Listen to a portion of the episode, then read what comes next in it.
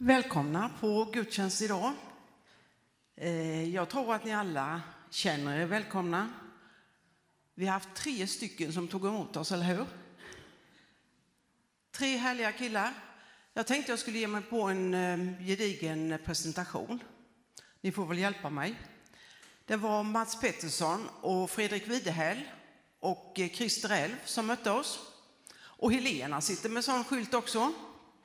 Ja, jag tittar här i bänkraderna. Är det någon som inte känner igen alla våra vänner här eller? Tittade ni till vänster när ni kom in innanför dörren? De två herrarna där, de är väldigt upptagna. Nu ser de lite mer avslappnade ut. Vänd er om och nicka åt dem och säg tack, ett jättebra jobb gör ni. Jan Timansson och Erik Holmberg. Vad vore den här gudstjänsten utan dem? Fler medverkande idag är Kerstin Nilsson som spelar snart. Vi har eh, Ida Samuelsson som kommer att läsa inledningsord. Kenneth Pettersson, inrest från Jönköping, har förberett en predikan och kommer till leda oss i nattvardsfirande. Ingrid och Rolf Gabrielsson sjunger och spelar för oss. Det sitter en hel rad här som också kommer att vara med och betjäna oss. Vi kommer till fira nattvard och det är Inger Sjölander, Annika Ebefors, Pia Nordén, Elisabeth och Ragne Pettersson. I köket har vi ett helt gäng som förbereder sig för vi ska få ett gott fika efteråt. Jag heter Marianne Sandqvist och eh, min uppgift idag blir att jag ska ha samhjälpsinformation. Det var tänkt att det var David Ögren som skulle ha den, men eh, en man i sina bästa år är väldigt upptagen och eh, ja, då blev det Marianne Sandqvist som håller i det. Vi kommer idag också ta upp då en extra kollekt för Samhjälp och det kan du ju börja fundera på om du vill vara med och bidra i det kommer senare i gudstjänsten. Vad det gäller pålysningar så är det nog en sak som ska tryckas på lite extra och det är att på fredag har vi after work och det är anmälan till det. Men eh, den anmälningstiden har inte gått ut så vi kan alla anmäla oss. Eh, idag är sista dagen. Ute på entrétorget så eh, finns lista Det ligger ju också andra listor där med vad vi gör i helgen vid affärerna, men det tänkte jag att det kan jag ta och prata mer om när vi har samhjälpsinformationen. Ja, men det tror jag vi tar och knäpper våra händer och ber för den här gudstjänsten. Herre, jag tackar dig för att vi får komma till vår kyrka här idag. Tack för att eh, så många har förberett sig och tagit emot oss och är på alerten för att den här gudstjänsten ska få ge oss något alldeles extra. Tack gode Gud för att du inte är snål. Du kommer till ge oss av din nåd, av din kraft. Ja, Herre, det hänger på oss om vi vågar öppna oss, om vi vågar ta emot. Men jag ber Herre att vi alla idag ska få bli berörda av din nåd, av din kärlek, av din kraft. Hjälp oss Herre att var och en tar emot den gåva som du vill ge oss. Och här vi kan inte be utan att vi också omsluter dem som idag inte kan samlas till gudstjänst, inte får, inte har möjlighet. Allt är raserat, förföljelse, nöd och elände. Herre, vi ropar till dig. Förbarma dig, Herre. Vi ber så i Jesu namn. Amen.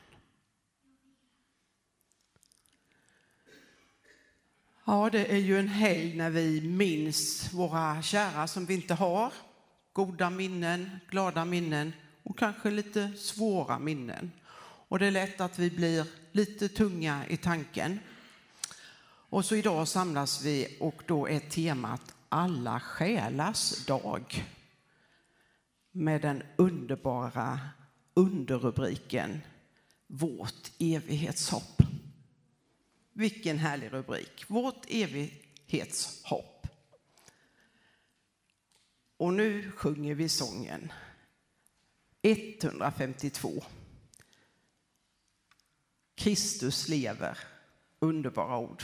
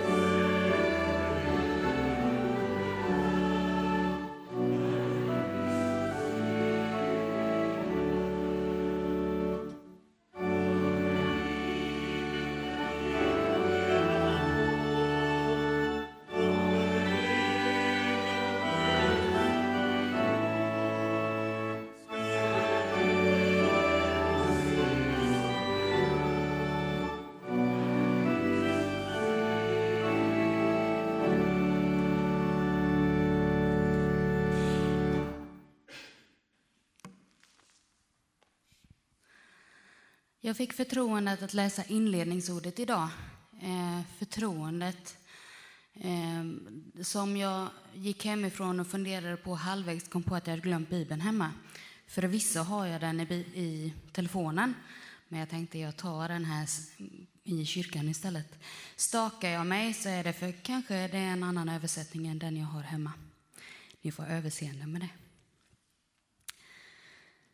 Jag läser från Saltaren 116, vers 1-9.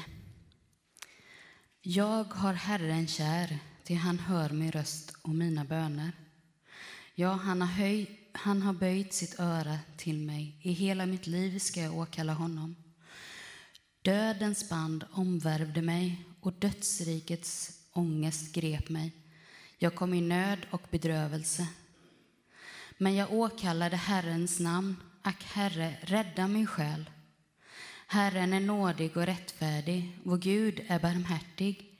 Herren bevarar det enfaldiga. Jag var i elände och han frälste mig. Vänd nu åter till din ro, min själ, ty Herren har gjort väl mot dig.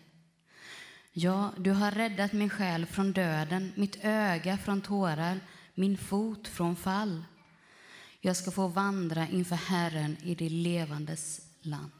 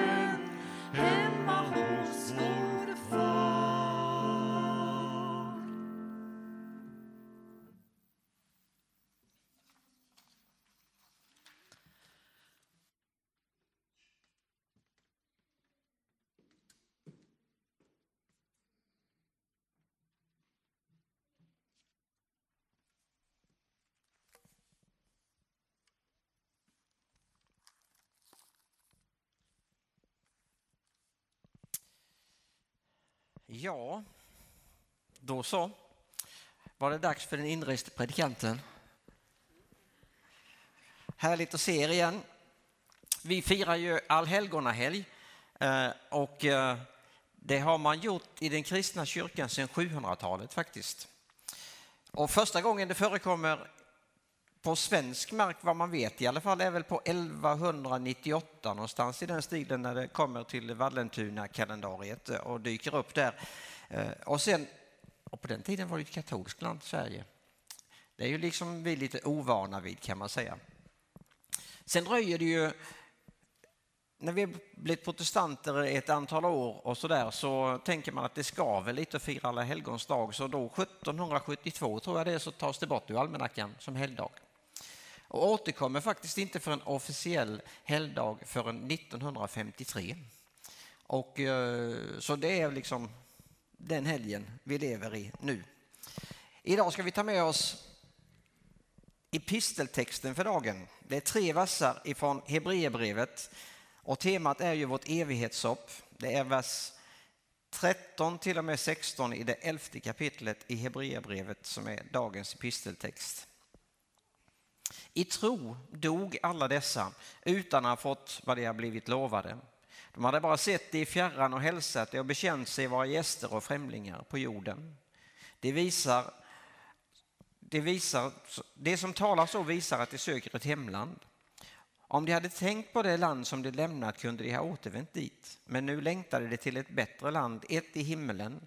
Därför skäms inte Gud för dem utan de får kalla honom för sin Gud, för han har ju grundat en stad åt dem.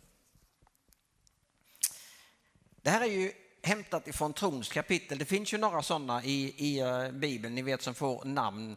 Det förlorades kapitel, exempelvis Lukas 15 eller kärlekens kapitel, upp, eller första K 13 och så vidare. Och här har vi då trons kapitel i Hebreerbrevet 11. I tron eller genom tron förekommer faktiskt inte mindre än 18 gånger i det här kapitlet. Så att det, tron är en central del och Abraham är den som är lite av huvudpersonen just i den här textsammanhanget som vi har läst nu så att säga. Han som kallas ut på en sån där lång resa och han vet inte riktigt var han ska åka för Hebreerbrevets författare säger att han drog bort utan att veta var han skulle komma. Alltså han gav sig iväg i tro det är i de där verserna som kommer innan dem, de tre verserna som kommer innan de vi just har läst, så beskrivs liksom situationen för Abraham och Sara bland annat då. Då får de ju löften om ett land som de ska få, men de får ju också i nästa andetag löftet om en son. Och det finns bara en liten hållhake då när de får det här löftet om en son. Det är ju det att Abraham är hundra år. Hebreerbrevets författare säger att eh, det är så här att han är faktiskt så gott som död. Står det. Det, det är också en sån där härlig kommentar. Och om Sara så står det att hon är överårig. Så att, att det är så här alltså att de får ett löfte om en son och så säger Hebreerbrevets författare samtidigt att Abraham är så gott som död och Sara är överårig. Ja, men ni kan ju tänka er själva, alltså om man har lite fantasi så kan ni tänka er själva att ni är med ett barn på mödravårdscentralen. Sitter där i lugn och ro och så in kommer ett väldigt ålderstiget par. Och så tänker ni, de har gått till fel avdelning. Men det visar sig att de ändå smyger fram till luckan och ringer på liksom och det skramlar i kaffekoppen och rätt som det så kommer det ju en vitklädd person där och öppnar och, och frågar liksom vad de vill och då säger kvinnan jag skulle vilja få ett graviditetstest. Och då tänker du, nu har de kommit till fel avdelning. Det där blir ju lite svårt, eller hur? Och det där var ju så svårt så att till och med Abraham och Sara tyckte att det var omöjligt, ända till Gud hade övertygat dem om motsatsen. Så tron har ju en avgörande betydelse här naturligtvis. Det gör ju inte att allt blev enkelt, för läser man hela berättelsen om Abraham och Sara så för ju trons liv in både med och motgång i deras liv kan man säga. Ändå förblir han trons far. Och så i de här verserna som vi läser nu då, där han har fått löftet om landet, han har fått löftet om sonen, så är det som om blicken sträcks ut liksom. lite till sträcker man ut blicken. Och så är det så här att då sägs det om trons människor att de har sett det i fjärran, de har bekänt sig vara gäster och främlingar på jorden. De är pilgrimer, de är vandringsmän, de är på väg mot ett hemland, ett bättre land, ett i himlen, säger Hebreerbrevets författare. De är på väg mot något större, till en stad som Gud har grundat åt dem. Och då kan man ju säga så här att det där med himlen och drömmen om himlen och så, det menar man ju ibland har passiviserat oss eller har varit liksom en verklighetsflykt. Det kanske har varit så under perioder, men jag tror definitivt inte att det är så i dagsläget. Utan jag tror att risken är större att vi tappar förmågan att lyfta blicken och se det stora perspektivet. Faktiskt. Det är lättare att fastna i det som är här och nu tror jag, under vår tid, den tiden som är just nu. Helgonen, ja, handlade det om igår. Om helgonen skriver ju Bo Brander att det är de där som när de har lämnat så upptäcker man att de lämnar en frid och en doft av himlen efter sig, säger Brobander. Och någon som heter Sune Wiman skriver om helgonen att helgon är Guds små solkatter, de lyser i själva men strålar av hans ljus. Det innebär ju att även om man är nersmittad av den himmelska världen så behöver man inte bli väsensskild från den här utan det kan bli tvärtom att jag kan få bli en liten Guds liten skolkatt här och nu i den här världen. Det är ju rätt fantastiskt. En Guds solkatt. Det är nästan som Astrid Lindgrens, nästan lika bra som Paradis-Oskar. Det är sån där namn som, som man bär med sig ändå faktiskt. Just nu lever vi i allhelgonatider. Och kyrkogårdarna fylls av ljus och det är väldigt vackert. Så många besöker kyrkogårdar och kyrkor den här helgen så det menas faktiskt i Svenska kyrkans statistik och en del annat att det kan vara så många som upp till hälften av befolkningen som den här dagarna besöker en kyrkogård. Och då är det väl som Thomas Sjödin skriver att alla som vanligtvis möts på bussen och på ICA möts nu på kyrkogården. Det har vi gemensamt att det är någon som fattas oss och vi delar tomrummet i tillvaron, det tomrum som aldrig kan fyllas av något annat. Och så kommer du till kyrkogården och där går människor, ljusen brinner och man rör sig väldigt stilla som i vördnad för själva livet fast du är på kyrkogården. Har du tänkt på det? Och så skriver vår biskop Fredrik Modéus i veckans JP. Jag tror helgonhelgen har blivit så viktig för oss för att den är ett exempel på vad man i den keltiska kulturen kallar för tunna ställen. Platser och stunder och sammanhang där något glimtar till och där det plötsligt liksom bjuder sig att ge utrymme åt frågor som döden och det som känns tungt och svårt. Jag tror att vi alla behöver hitta våra tunna ställen, skriver Fredrik Modéus. Det är bra. Det är väldigt bra skrivet. Det är som N.T. Wright skriver i sin bok Ännu bättre, Hoppet om himlen med nya ögon. Att det är inte liksom så att himmel och jord är långt ifrån varandra utan de där två världarna är parallella, påstår N.T. Wright. Och så nära varandra så att ibland så brister vi den där hinnan lite grann och vi anar, vi som lever på den här sidan, att det finns en större värld, något mer än det som vi lever och rör oss i nu. Att de där världarna hör ihop, det har vi berättat för varandra många gånger när vi ska fira nattvard och man i Svenska kyrkan har den där halva ringen, ni vet, som egentligen är en symbol av att vi hör ihop, för den andra halvan är ju i den himmelska världen. Och för att det ska bli en hel cirkel så måste alla finnas med. Då är det ju så att det inte bara vi i Tabergs Missionskyrka som firar gudstjänst idag, utan vi är många som firar gudstjänst, även i den himmelska världen. Och det är ju det det heter idag, vårt evighetshopp. Alltså vi lyfter blicken, vi sträcker ut den lite grann utanför det som vi är vana vid. Hoppet är ett sätt att angripa framtiden, säger Emil Brunner. Det är livets horisont och så påstår han att det syre är för lungorna är hoppet för meningen med livet, säger Emil Brunner. Israels folk när första påskmåltiden firas. Vi kan ju återknyta till det eftersom vi ska fira idag. har varit fångar i nästan 430 år där någonstans.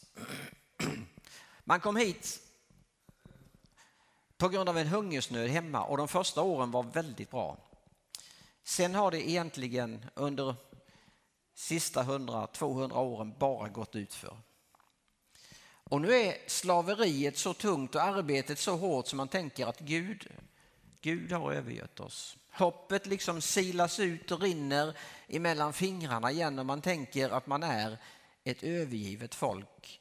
Och då står det i början av andra Mosebok, då tänkte Gud på sitt folk, står det. Och nu, när påskmåltiden, den första, ska firas, den första i historien, då sitter man resklädd bakom stängda dörrar, lammet är slaktat och man vet att nu är det snart uppbrott. Nu ska vi snart gå vidare. Så lämnar de ju Egypten och vi vet efter mycket om och men så kommer de hem igen och det är mycket av glädje och mycket av så. Men många år senare hittar vi dem i fångenskap igen. Hoppet har tystnat på nytt. Sången har till och med tystnat. Så där som man har hängt upp harpan i pilträdet står de i saltaren och man vill inte sjunga längre. Man är i Babel i fångenskap och man säger till dem sjung. Folket säger vi vill inte sjunga. Det finns inga sånger att sjunga i det här läget. Den här gången varar fångenskapen bara i 70 år. Och så står det att kung Kyros ande blev uppväckt av Gud och han fick den där idén att han skulle skicka hem folket till sitt land igen. Och så får man flytta hem och så möter vi dem Hagga i Sakarja och så möter vi de där orden att det är faktiskt inte genom någon människas styrka eller kraft det ska ske utan genom min ande, säger Herren. Murarna byggs upp, portarna sätts i och så är det så att hoppet har återvänt igen. Det såg ut att det har varit slut, men nu är det tillbaks. Så dalar det igen. Alltså nu får ni hela den bibliska historien på typ eh, kvart, 20 minuter. Det går i resefart, det märker ni. Så dalar det igen och mellan gamla och nya testamentet säger man att det är 400 tysta år. Det är en sanning med stor modifikation, för det är det egentligen inte. Eh, här tillkommer ju de gamla testamentliga apokryferna och mycket annat, så det är verkligen inte de, en, en, en uh, tysta år. Men det, det är ändå så man brukar tänka sig. Och när vi kommer in i Nya Testamentet precis i början så är det precis som att um, hoppet ändå på något sätt har lämnat folket igen. Alltså romarriket och de andra trycker nationen så hårt som man tänker att det, är, det här är hopplöst. Då kommer det en man. Han föds i Betlehem och hans första år är ganska anonyma. Men de där tre sista åren så börjar hans röst höras på det ena stället efter den andra. Och hoppet återvänder. Och evangelisterna skriver om att han går omkring, gör väl och hjälper alla. Han har tid, han stannar upp och i den blicken är det många återupprättade liv. Och Petrus säger Välsignad är vår Herre Jesu Kristi Gud och Far. I sin stora barmhärtighet har han fött oss på nytt till ett levande hopp genom Jesu Kristi uppståndelse från de döda. Ett levande hopp genom Jesu Kristi uppståndelse från de döda. Det där hoppet försökte man ju redan från början ta död på naturligtvis och det har aldrig lyckats. För hur tror ni det känns för kvinnorna som är på väg ut på påskdagsmorgonen De upplever också att hoppet liksom har silats genom händerna och genom fingrarna på dem på något sätt. På långfredagskvällen så rann det där hoppet ut igen. Och i påskdag, eh, påskaftons tomhet finns det inget hopp att hämta. Men så kommer de ut till graven. Och graven är tom. Och Jesus lever. Då försökte man sätta stopp för det hoppet. Man betalade soldaterna och säga att kroppen var stulen och man gjort alla möjliga olika åtgärder för att komma åt det där evighetshoppet genom åren. Det har aldrig lyckats. Och idag är åtminstone en tredjedel av den här världens befolkning människor som bekänner Jesus Kristus som sin Herre och Frälsare. Det är därför att graven är tom och Jesus lever. Och hoppet är inte bara ett ord och en känsla utan det är byggt på något större. Att Gud sände sin egen son för din och min skull som levde, dog och uppstod för mig. För Jesus Kristus lever. Och jag tänker i en tid som vår och i en tid som denna där hoppet på många fronter och i många olika sammanhang är på väg att rinna ut på något sätt.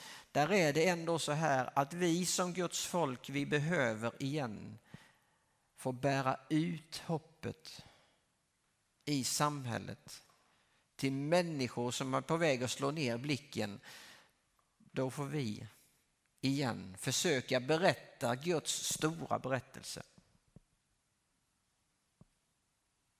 Det finns ett hopp vänner. Det är inte bara långt framme. Det är för nu och för här faktiskt. Vi ska snart fira nattvard tillsammans. Då påminner vi varandra om att eh, Jesus dog och eh, det är ju ofta så att det är där vi lägger vår tyngdpunkt. Att Kristus dog för våra synder och det är ju det viktiga. Och i, jag som är liksom en SM-predikant av födsel och ohejdad vana och är, är starkt färgad av det. Vi har blivit kallade i SM ibland för ett långfredagssamfund, alltså för vi har så betonat Jesu uppståndelse eller Jesu död. Och den är ju viktig, den är superviktig, men vi får inte glömma att det kommer också en påskdag och en uppståndelse och att Jesus Kristus lever. Jag vet inte om ni har gått in och tittat på de här olika TBN-programmen, Alla tiders sånger. Liksom. De är det, det näst sista kommer ju nu i fredags och så kommer det till... Alltså det finns så enormt många starka berättelser om eh, människor som har fått uppleva hur hoppet har återvänt. Sångare och musiker som berättar liksom vad Gud har gjort i deras liv. Och jag, vi ligger lite efter, liksom, så vi tittade på avsnitt fem igår kväll. Eh, men vi, vi ska försöka hinna ifatt. Eh, och då berättade Jeanette Alfredsson om hur hon har vuxit upp med en alkoholiserad pappa och, och, och, och, hela det traumat som har varit runt omkring det och hur förlåtelsen i Kristus nådde hennes liv och därmed också hennes pappa. Vänner, det finns ett hopp för Jesus Kristus är större. Vi vet inte hur det ska gå till att lösa konflikten på Gazaremsan. Vi har inte en aning om hur det ska gå till att lösa konflikten i Ukraina. Men en sak vet vi. Vi får be om ett hopp, men det vi kan göra det är att vi kan gå ut i vår vardag och få bära med oss en doft av himlen. En doft av ett hopp, av något större och hjälpa människor att lyfta blicken och se och förstå att Jesus är på din sida. Jesus är på din sida. Det är vårt evighetshopp. Herre, kom du med din heliga ande och berör våra liv. Vi är så beroende av dig under den tid som vi nu lever i. Beroende av att du med din nåd, Herre, hjälper oss att få bära hoppet ut till en värld som verkligen behöver ett hopp. Tack att det inte bara ord, det är inte bara en känsla, det är inte något som vi behöver liksom piska upp eller bygga upp utan det bygger på att du en gång dog och uppstod för vår skull. Och Herre, vi lever i den tron att det är en verklighet. Där vill vi liksom sänka ner våra rötter. Där vill vi leva våra liv. I nåden, Herre. I kraften av allt det som du har gjort för oss. Hjälp oss att kunna få bli dina solkatter. Sprida lite av din värme, ditt ljus, ditt hopp och din närhet till människor som vi möter i veckan som ligger framför. Amen.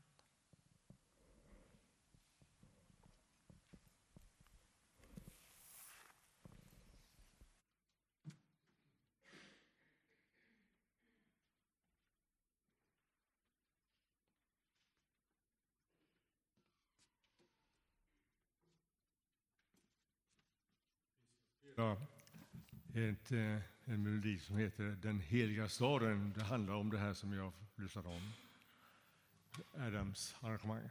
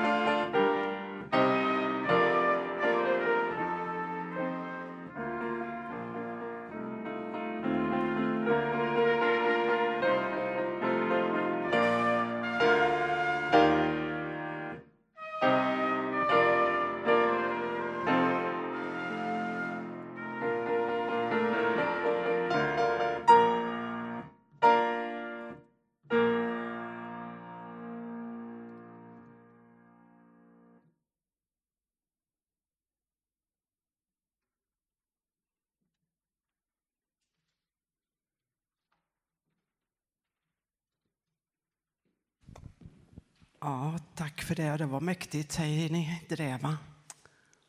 Fint. Jag har förberett bildspel och tänker berätta lite om Samhjälp. Nu ska jag försöka sköta det här själv då.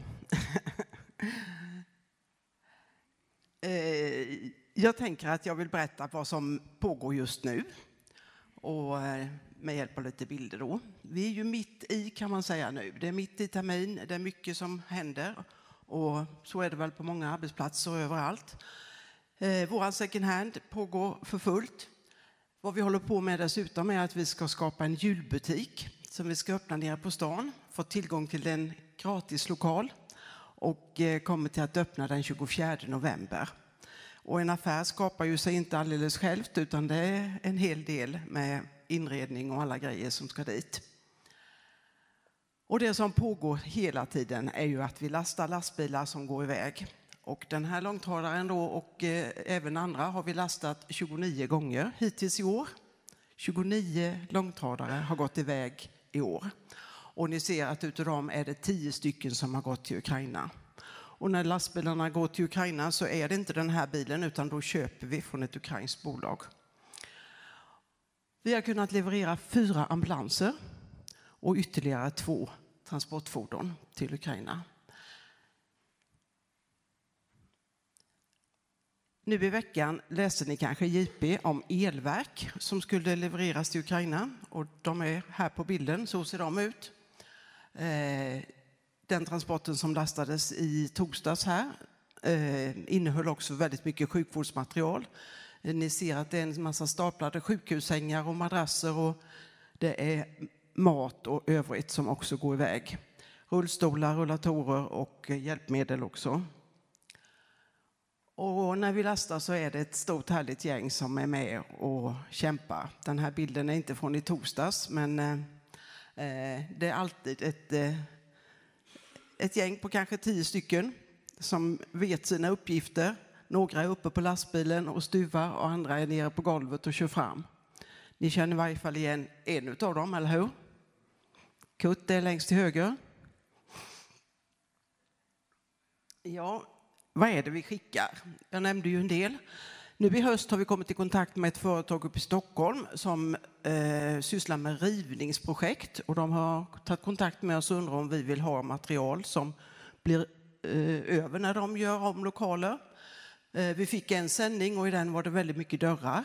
Dörrar och eh, andra saker som man kan använda när man sen då renoverar och ställer i ordning i Ukraina. Och så långt vi ser hittills så är det jättebra grejer. Vi får nya maskiner, mycket märkligt, men ska jag snabbt säga då, mm, de är tillbakalämnade på grund av något fel, men ändå sen genomgångna och fungerar, men eh, de kan inte garantera då att det är en fullständigt god vara. Vi har fått ta emot pallvis med handmaskiner, vilket är jättebra saker som vi har kunnat skicka.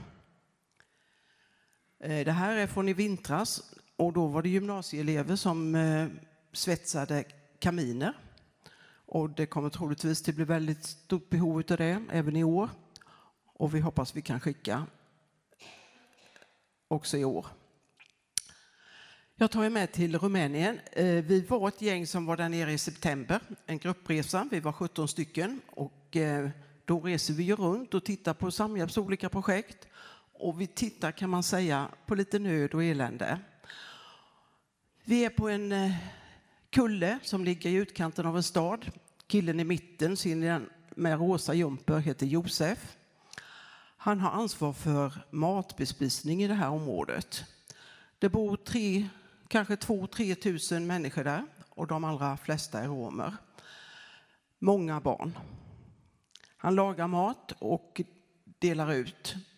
Vi var med vid en sån här matutdelning och det är med delade känslor. Man står och tittar.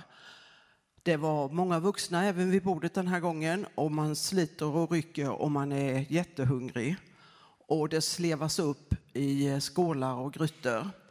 Och det var jättehett den här dagen och barnen satte sig där direkt och började äta. Och ni vet, jag har visat bilder från det tidigare. Det handlar inte om att tvätta händerna, det handlar inte om att äta med bestick, utan man äter direkt med fingrarna. Vi tittade runt lite i området och eh, så här kan man bo.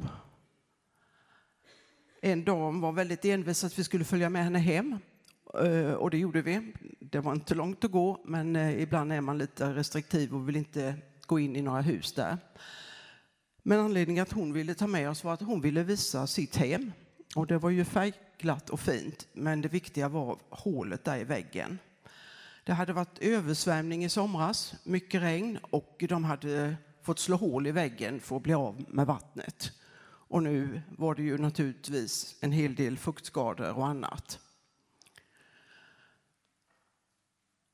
Ja, det är de här barnen vi försöker hjälpa.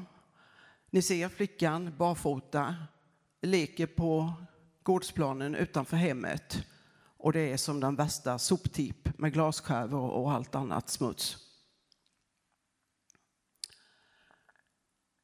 Vi tar oss lite söderut och vi eh, tar oss till en plats eh, som heter Paulaskadalen. Där samarbetar vi med en hjälporganisation som heter Somebody Cares. Någon bryr sig. Vi har eh, haft ett samarbete tror jag, under fem års tid och eh, tycker att de gör ett väldigt bra jobb och vi är tacksamma att vi kan ha dem som samarbetspartner. De jobbar i tre byar som ligger i en dalgång och det här är eh, deras missionscenter i by nummer ett kan man säga. En eh, jättebra eh, byggnad med jättebra lokaler som utnyttjas eh, i vartenda hörn. De satsar på att hjälpa både barn och vuxna och de vuxna är det mest för att kunna hjälpa dem att komma in i arbetslivet. Många av romerna har inte haft något jobb överhuvudtaget och då är det inte lätt att gå ut på den öppna arbetsmarknaden och söka ett jobb. Man har inget kanske avgångsbetyg från skolan och inga arbetsintyg. Bland annat har man startat ett bageri och eh, man lyckas faktiskt att sälja bröd och kan få lite inkomst på det. Men framför allt är det för att kunna skapa ett arbetstillfälle så att eh, man eh, kan ge praktikplatser och på det sättet då hjälpa folk in i arbetslivet. Eh, det här vållade stora problem när elen blev så dyr. Ni kan ju tänka er att de här ugnarna kostar jättemycket att värma upp och de var färdiga till att lägga ner bageriet. Och så Ropar de på hjälp från Sverige och andra länder. Kan ni vara med och hjälpa oss med pengar till ett eh, soltak? Och numera så är det här i funktion och eh, bageriet kan fortsätta att drivas vidare. De har ett stort växthus och mycket odlingar och har många människor sysselsatta just att ta hand om det. De har en verkstad med metall och träindustri och jobbar också med männen för att ge dem en, en möjlighet att få jobb. Vi skulle vara med på gudstjänst där på söndagen och eh, vi stod ute vid gatan och samtalade lite och rätt så kommer det ett fasligt oväsen. Två hästar som kommer i full trav ner för en backe och en vagn som skramlar och lever och vi liksom bara tittar till och får upp en kamera och så swish så är det över. Och så tittar vi på varandra och sa, nej men vad var det på lasset? Ser ni? Ja, det ligger ett kohuvud. Ja, det är precis vad som hände. Helt plötsligt så har det åkt förbi en död ko på gatan där. Allt kan hända tycker jag när man är i Rumänien. Och så vänder vi oss om och då står det två damer där och då säger den ena damen till mig, köpa blomma. Nej, kan du svenska, säger jag till henne. Men hon kan köpa blomma, köpa blomma. Med tolkens hjälp så fick vi reda på att hon är i Stockholm och säljer blommor. Och just köpa blomma, det hade hon ju lärt sig på svenska. Men jag frågade om hon inte kunde något mer på svenska. Då kunde hon faktiskt ett så krångligt ord, köpa midsommarkrans. Ja, de var hemma på en paus i Rumänien och så skulle de tillbaka till alla helgon för då köper svenskarna krans igen. Vi var lite elaka där i gruppen för det var någon som fnös lite och så sa undrar vilken park de plockar blommorna i. Och hon fattade vad vi sa så där fick vi ju skämmas. Och då sa hon nej, nej, nej, ma mamma Britta. Hon hade en god vän som hon benämnde mamma Britta som hjälper henne med blommorna. Eh, de här då tiggde ju inte utan de säljer någonting. Det märkliga är att vid Lidl i Jönköping har jag träffat men en man som är just härifrån. Han är pappa till fyra barn och de här fyra barnen, en del av dem i alla fall, är med i skolprojektet som vi varje månad stöder då. Så att eh, många från den här byn åker iväg utomlands för att jobba. Och även de som tigger säger ju att de jobbar. Eh, inne på gudstjänsten så var det många ungdomar som spelade och sjöng. Eh, romerna är ju väldigt eh, intresserade av musik och av konst och annat. Och här är det eh, en hel grupp då som spelar till lovsången. Det är inte barnkören utan det är barnorkestern får vi väl säga. By nummer två har fått det här huset.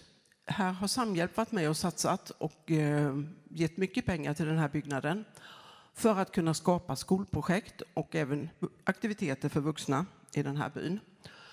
Och eh, det är invigt och lokalerna är jättefina och de har kommit igång med skolprojekten. Och skolprojektens syfte är ju att kunna hjälpa barnen att klara av skolan, att göra färdigt sin skolgång, kunna få avgångsbetyg istället för att hoppa av när det börjar göra ont, höll jag på att säga. När det börjar bli svårt och man inte klarar sig så får de stöttning. Men vi tar oss bort också till tredje byn tänkte jag. Och tredje byn då är det knappt bilväg till. Vi åker med en bil men jag skulle faktiskt inte vilja köra min egen där. Man möter hästskjuts, hästskjutsar och det är barn och det händer mycket ut med vägen faktiskt. Det bor ungefär 450 familjer i varje by utav de här tre. Och i de här tre byarna får alla matpaket, alla familjer. Vi möter en familj där borta eh, och då tittar vi runt lite. Eh, de här flickorna mötte oss och eh, vi frågade var bor ni? Och då ville de visa det här. Här bor mormor. Mm, men var bor ni? Jo, men vi bor hos mormor för mamma och pappa är inte hemma. Och de visste inte var mamma och pappa var, men de var inte i landet. Och sen fick vi följa med och se deras hus. Så när mamma och pappa är hemma, då bor vi här. Halva huset, den delen till vänster, är förråd så att det innehöll ett rum. Och de här tre syskonen bodde hos mormor nu då. När man var hos de här flickorna så ser man huset där nere och då är det huset i tredje byn som också tillhör då hjälporganisationen Somebody Cares. I det huset är det väldigt enkelt inrikt, inrätt. Eh, ledaren Florin är det som pratar med barnen här nu då. Eh, det är väldigt svårt att kunna bedriva någon verksamhet. Eh, det är svårt att sköta lokalen för att lämnar man den så blir den plundrad. Så de måste tyvärr hålla det så här enkelt. Men när Florin kommer med sin bil då kommer barnen springande för då blir det barnmöte. Och de försöker väl att utvidga sitt arbete och att så småningom kunna nå också den tredje byn. Ja, jag tycker att jag vill berätta lite om Ukraina. Vill ni höra lite om det också? Är det någon annan? Pastor Jodor Voloshin. A och O för vårt hjälparbete i Ukraina. Vi var bekanta med honom och jobbade tillsammans med honom långt innan kriget började. Och det var han som gjorde att vi kunde komma igång direkt. Dagen efter var ju första hjälpsändningen iväg när kriget hade startat. Han är en fantastisk människa som har en energi utöver det vanliga. Han eh, organiserar när transporterna kommer hur de ska fördelas vidare och komma österut i landet. Och iven är stor. Eh, man har tagit emot många flyktingar i det här området. Det ligger 20 mil väster om Kiev. Det är alltså långt ifrån krigshärden egentligen. Men här har man som ett eh, center där man kan ta emot eh, interna flyktingar då och man kan få iväg materialet vidare. Och ofta är det i mindre bilar som det går iväg. Det är inte med långtradare. Och hjälpen ska ju nå långt österut till de som behöver det. Och det kan vara gammal och det kan vara ung. Och det är ju många familjer som är splittrade. Eh, där pappa är ute i kriget och barn och mamma hemma. Och vi följer en del av de här unga familjerna och vi lider med dem, hur svårt det är. Eh, jag kan berätta helt eh, kort bara om Marsha som har fått en bebis i september månad. Pappa han hem, han var med på förlossningen, fick vara hemma tio dagar, men är ute i kriget igen. Marsha mår inte bra, hon är orolig, lilla bebisen mår bra. Och jag bara funderar på hur mår pappa som inte får hålla detta lilla knytte i sin famn. Och detta är bara ett exempel på hur svårt det kan vara. Eh, transporter som går iväg eh, har ofta eh, byggmaterial.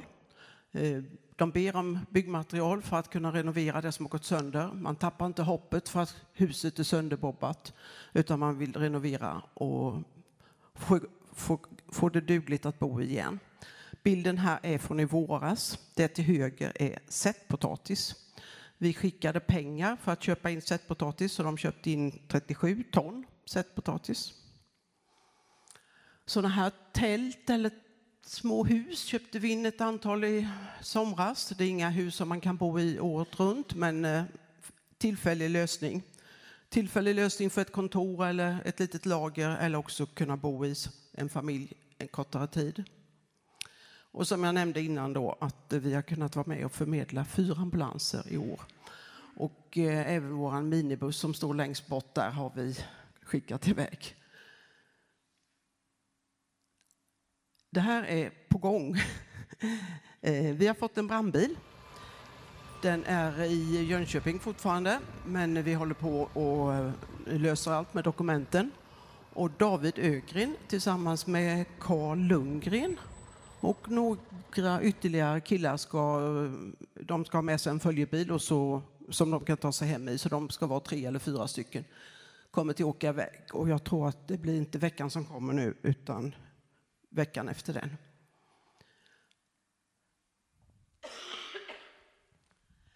Jag skrev tack. Eh, det tacket tänker jag är riktat eh, för gåvan som du tänker ge till Samhjälp. Och eh, efter det här så kommer vi att sjunga en sång och då har du möjlighet att ge en gåva till församlingen. Och vill du då ge en gåva till Samhjälp så skriver du i meddelandet hur mycket som ska gå till Samhjälp. Så det går genom församlingens konto, men meddela eller skriv då vad du vill ska gå till Samhjälp.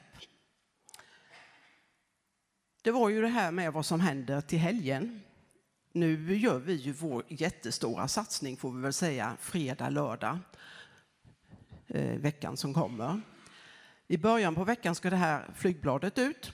Eh, ni är många som har lovat att gå gata upp och gata ner och på det står det då att nu gör vi eh, en drive här där vi säljer gåvobevis och vi har klädinsamling. Vi kommer till att ha öppet här i kyrkan och bjuda på kaffe för de som vill komma in och ta en kopp. Och så hoppas vi ju då att eh, många vill köpa de här gåvobevisen som ska gå till familjerna som jag visade på bilderna här. Och då tänker jag mig att det vore väl bra om vi också Ja, den kan jag också prata om. Vi tar tillbaka den. Eh, det vore bra om vi också i år kan fullfölja vad som står på den här lappen. Att vi står vid affärerna både fredag och lördag. Eh, listorna här ute är inte fyllda. Så skulle vi nu ta listorna och gå hem, då, ja, då har vi ändrat planen rätt rejält. Men jag hoppas att jag kan gå hem med fyllda listor idag. Jag vill verkligen vädja till er att eh, ta på er en tjock jacka och stå en timma. Det är inte farligt. Men det är lite obekvämt är det. Det tycker jag med. Men det kan vi kosta på oss, både du och jag. Så hoppas att du orkar och kan och fylla på någon rad där ute. Vi tar nästa bild. Eh, den här eh, matpaketen kommer att kunna delas ut till eh, 5 750 familjer. Så många är det som vi ska sälja gåvobevis. Vi packar i Huskvarna eh, och har en bra lokal där som vi står på kvällarna och jobbar med. Men också är det så att våra samarbetspartner i Moldavien och i Ukraina har lovat att de kan stå för en del, att de kan packa där. Men då står vi ju för kostnaderna, så att de gör inköpen och packningen. Men vi våra gåvobevis som vi säljer här inkluderar det också då. Eh, vi här i Taberg har faktiskt en kväll eh, måndagen den 20 när vi får vara med och packa. Och den listan är inte full, hör och häpna. Det brukar vara kö på för att vara med, men vi har väl varit lite anonyma, höll jag på att säga, med den listan. Så vill du vara med och jobba en kväll och packa en låda, så hör av dig. Ja, då sjunger vi salmen nummer 172 och eh, samtidigt får du chans då att ge din gåva. Vill du ge kontanter så är det som vanligt att det finns möjlighet vid utgången.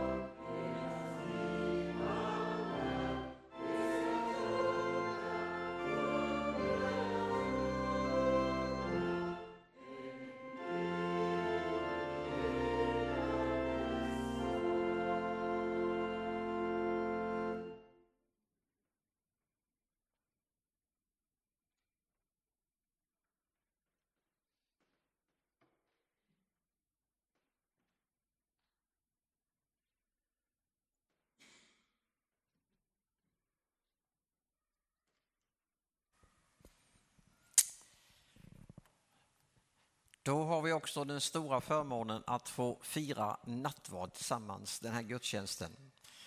Och det är Jesus Kristus själv som inbjuder oss att ta del i den heliga måltiden.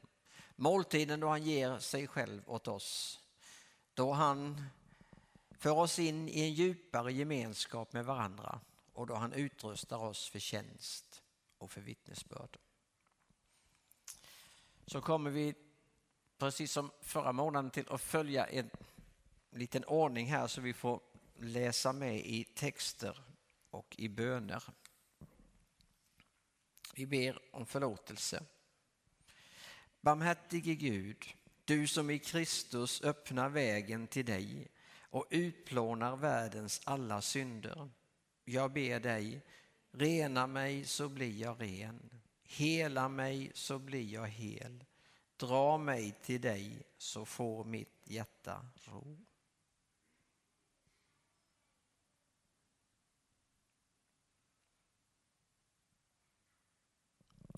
Och så påminner vi oss om orden ifrån första Johannes brev. Om vi bekänner våra synder är han trofast och rättfärdig så att han förlåter oss synderna och renar oss ifrån all orättfärdighet. Och så får jag som Jesu Kristi tjänare tillsäga er Guds förlåtelse. Livets Gud, tack för att vägen till dig alltid är öppen. Genom Jesus Kristus, hjälp oss att leva i din förlåtelse, stärk vår tro, öka vårt hopp och uppliva vår kärlek. Så skriver Paulus i de där välkända orden som vi kallar instiftelseord från första Korintierbrevets elfte kapitel. Jag har själv tagit emot från Herren det som jag har fört vidare till er. Den natten då Herren Jesus Kristus blev förrådd tog han ett bröd, tackade Gud, bröt det och sa Detta är min kropp som offras för er. Gör detta till minne av mig. Likaså tog han bägaren efter måltiden och sa denna bägaren är det nya förbundet genom mitt blod. Var gång ni dricker av den så gör det till minne av mig. Var gång ni äter det brödet och dricker den bägaren så förkunnar ni alltså Herrens död till dess att han kommer.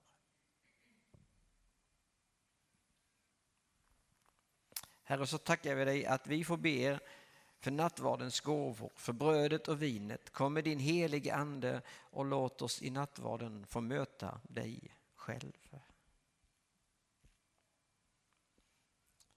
Stort är trons mysterium. Kristus, din död förkunnar vi. Din uppståndelse bekänner vi till dess du kommer åter i härlighet. Så ber vi tillsammans i den bön som Jesus själv lärde oss att be. Vår Fader, du som är i himlen. Låt ditt namn bli helgat. Låt ditt rike komma. Låt din vilja ske på jorden så som i himlen. Ge oss idag det bröd vi behöver och förlåt oss våra skulder liksom vi har förlåtit dem som står i skuld till oss.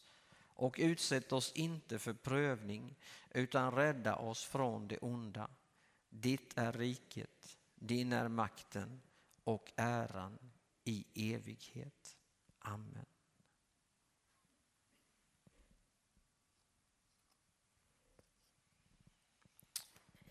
brödet som vi bryter.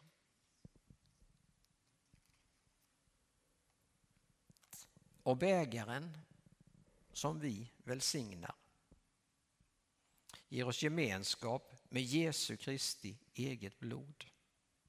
Och eftersom det är ett enda bröd är vi, fast många, en enda kropp. Alla får vi del av ett och samma bröd.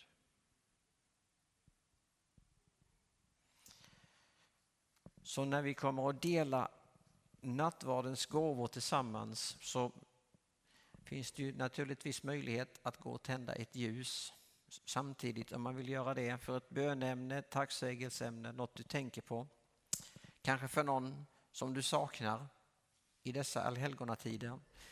Du kan skriva ett bönämne och då är det så att viker du ihop lappen så nämns inte bönämnet här utan då får bli det mellan dig och Gud. Lämnar du lappen öppen så kommer vi att ta med den som bön här i slutet av gudstjänsten. Jag kommer också finnas där nere om det är någon som önskar förbön under tiden. Så får vi önska varandra Guds frid och hälsa varandra med Guds frid i bänkarna. Och under tiden som vi gör det så låter vi nattvardstjänarna komma fram hit. Varsågod och ge varandra av Guds frid.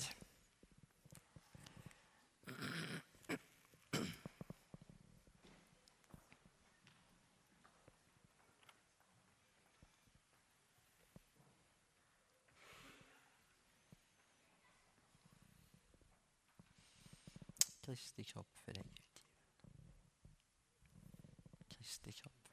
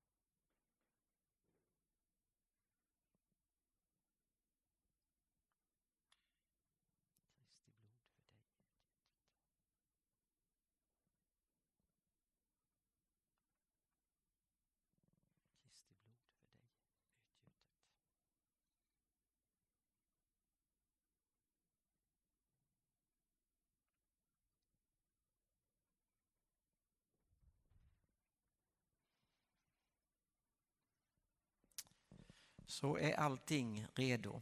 Tag och dela er emellan.